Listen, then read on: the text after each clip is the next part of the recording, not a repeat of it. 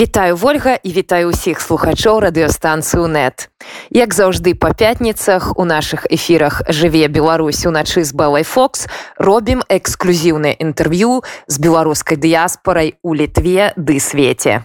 Сёння ў маёй студіі прысутнічае руслан які стварыў кропку дапамогі беларусам у рассеі вітаем вас руслан. Вітаю вас. Здравствуйте всем Дякую вялікі што пагадзіліся з намі паразмаўляць. Сапраўды вельмі актуальна зараз падтрымка не толькі беларусаў але і рускіх у рассіі маё першае пытанне будзе конечно адрасаванае таму што зараз адбываецца. Кожны дзень нешта змяняецца. Які прымаюць у, гэтым удзел і што можете сказаць пра падтрымку беларусаў да тых хто зараз змагаецца за свабоду ў рассіі таксама Было, ты знаешь, произошла очень странно, но, на мой взгляд, очень удивительная вещь. Э, никто это не ожидал и не мог даже предположить, насколько вот те брутальные события, которые произошли в Беларуси 9 августа и в последующие дни, э, насколько они смогли каким-то образом объединить белорусов, ну не только белорусов, а я имею в виду вообще выходцев из Беларуси э, в других странах. Ну, особенно в России это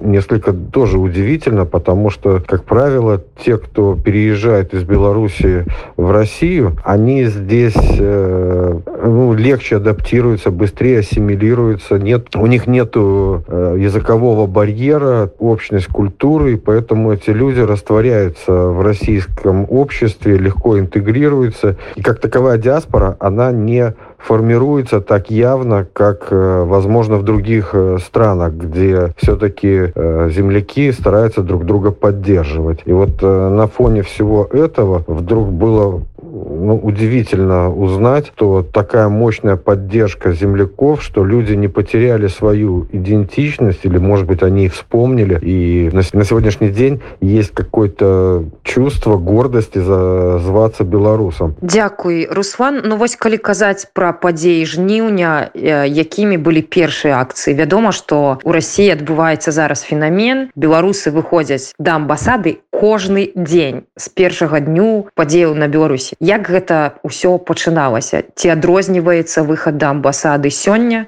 от того, что отбывалось у жніўні. Непосредственно в день голосования 9 августа у посольства собралась очередь ну, порядка трех тысяч человек. Еще подозреваю, приблизительно такое же количество людей приходило, просто смотрели, что они явно не успеют проголосовать, отстоять в очереди такое количество времени, и люди уходили. Но к концу голосования вся вот эта вот э, большая, огромная масса людей, она копилась на улице прямо перед э, посольством, и несколько часов люди не расходились. Скандировали лозунги до тех пор, пока полиция все-таки не разогнала угрозой применения силы всех людей. Но люди разошлись по ближайшим кафе, каким-то ресторанчикам, и очень долго вот я даже там в, в очереди познакомился с парнем, и мы пошли там в кафе, и до двух-трех часов ночи мы сидели, следили за событиями, что происходит в Беларуси. И на следующий день как-то люди стихийно начали все приходить опять к посольству, нести цветы, потому что ну, те события, которые произошли вот в первую ночь с 9 на 10 августа, всех, э, видимо, очень сильно взволновали и задели за живое. И вот так вот стихийно люди стали приходить уже и 10, и 11, и 12 числа.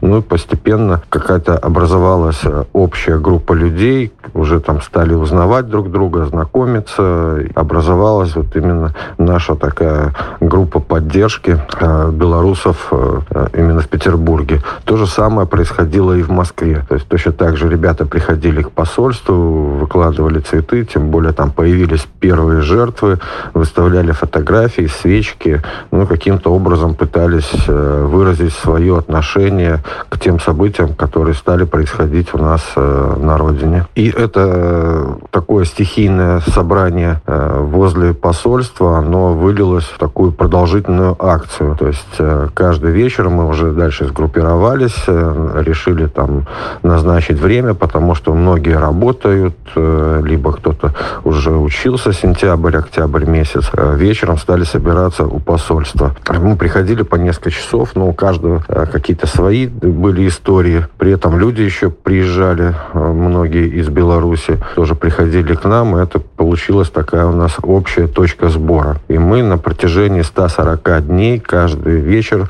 приходили к посольству, обменивались своими мнениями, новостями, событиями, обсуждали события на родине, пытались друг друга поддерживать и поддерживать земляков. Но вот на 140-й день произошло очередное событие со стороны местных э, властей. Нас, э, ребят, которые там собрались в тот вечер, я как раз тогда опоздал, ну, это в кавычках, э, ребят забрали в автозак и отвезли в первое отделение полиции. Ну, правда, через три часа их выпустили оттуда. Со постановления за нарушение именно антиковидных мер. В общем-то, нам запретили э, появляться возле посольства. То есть там выставили постоянный пост именно уже ОМОНа и полиции. Если до этого, ну, как обычно, у каждого консульства или посольства там дежурит э, представители вот этого департамента охраны дипмиссий, это там два-три полицейских, то в этот, э, с этого дня уже там дежурил определенный отряд ОМОНа. То есть если вдруг бы мы попытались еще раз собраться возле посольства, то нас бы обязательно арестовали. Это уже грозило бы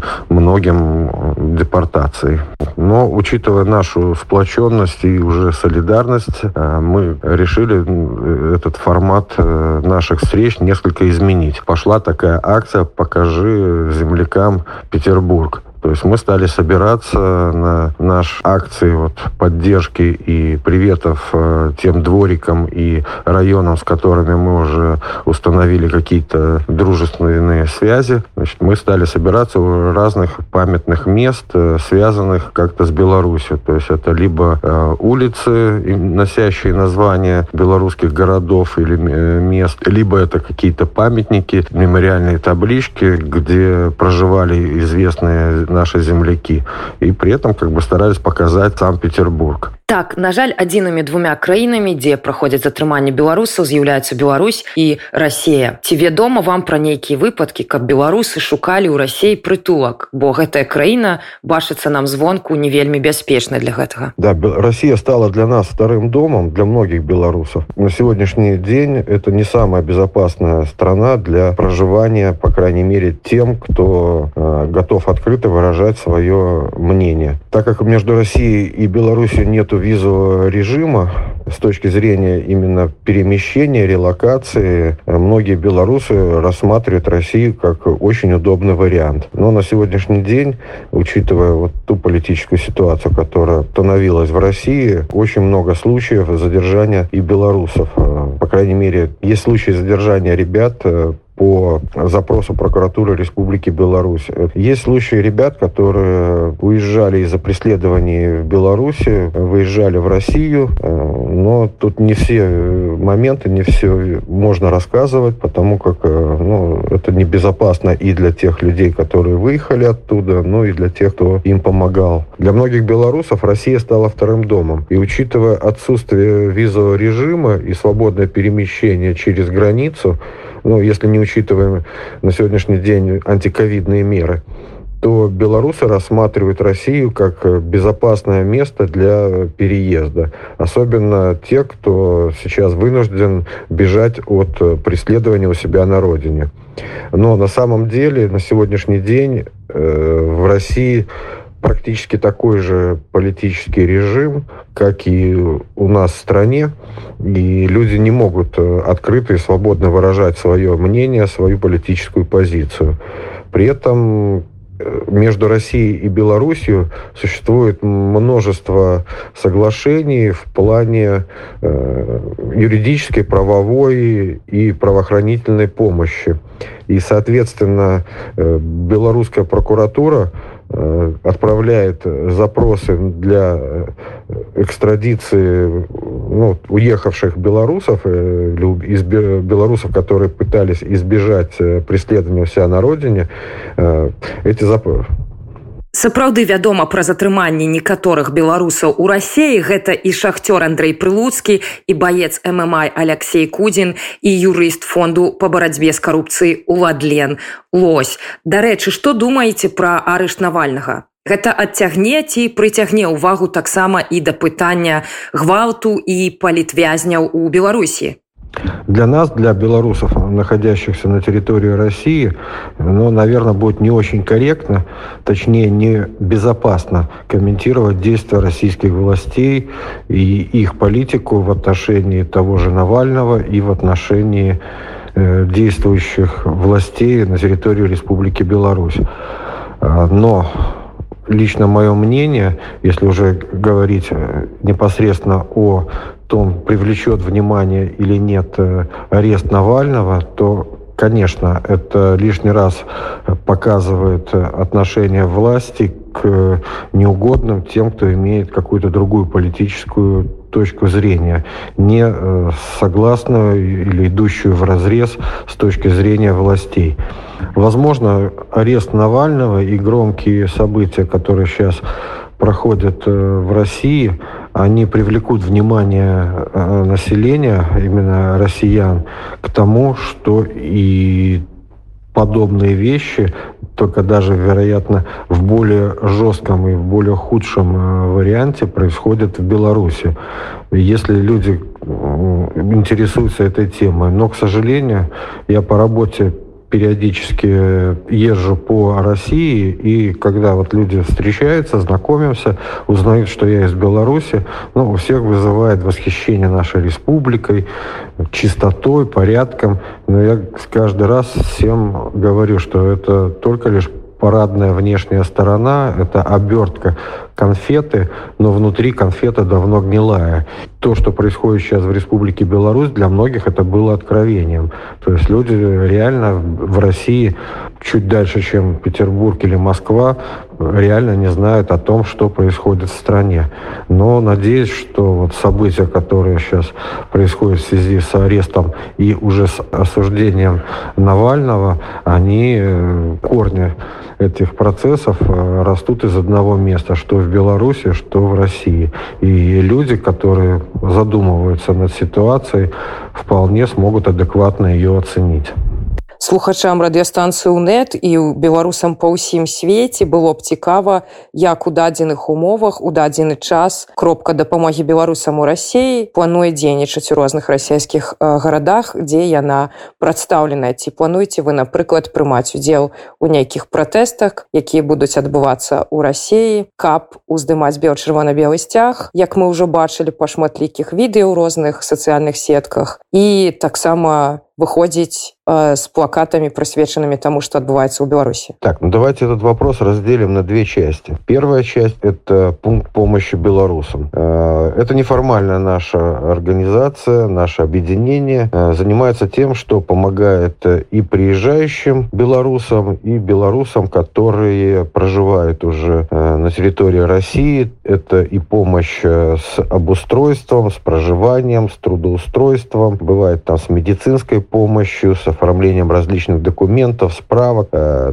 то есть то, чем по идее, как бы могло бы заниматься или должно некоторыми этими вопросами заниматься дипломатическое представительство посольства либо э, консульство Республики Беларусь э, на территории России. Ну, то, чего оно максимально со- самоустранилось. Есть еще беженцы из Беларуси, тем, которым требуется, ну, скажем так, специфическая помощь, но тут уже мы уходим опять несколько в такую сторону, о которой я не могу рассказывать. Э, но опять же, все связано с безопасностью тех, кто э, приезжает сюда, и тех, тех, кто им помогает. По второй части вопроса, что касается э, выражения нашего протеста, да, мы продолжаем собираться красно-белыми флагами. Но в Москве до сих пор ребята собираются в цепочку напротив посольства. В Петербурге, к сожалению, это мы уже не можем делать. Но вот мы нашли вариант э, сборов в различных точках города, связанных каким-то образом с Беларусью. Передаем там приветы и подде слова поддержки друзьям и знакомым. Но я подозреваю, что и этот э, формат у нас э, ну, как, через какое-то время при ужесточении требований будет не так спокойно возможен как на сегодняшний день. Э, потому что в России сейчас знаете, начинается такая же борьба с э, различными выражениями протеста, и мы можем здесь также попасть под этот вот каток. И, соответственно, ну, готовим какие-то еще дополнительные пути и варианты для выражения нашего протеста. Вот те же YouTube-каналы, э, те же соцсети, ну, то есть различным образом продумываем, как нам дальше продолжать протест. Именно для того, чтобы он не пропал. 7 лютага Светлана Тихановская обвесціла міжнародным днём салідарнасці з Беларусю і заклікла ўсю міжнародную супольнасць пільна сачыць за тым, што ў нас адбываецца. З гэтай нагоды, якім чынам міжнародная супольнасць, а таксама беларуская дыяспора па ўсім свеце можа дапамагчы беларусам у рассіі. Да, всегда очень важно понимать, что есть кто-то, кто может предложить и оказать помощь.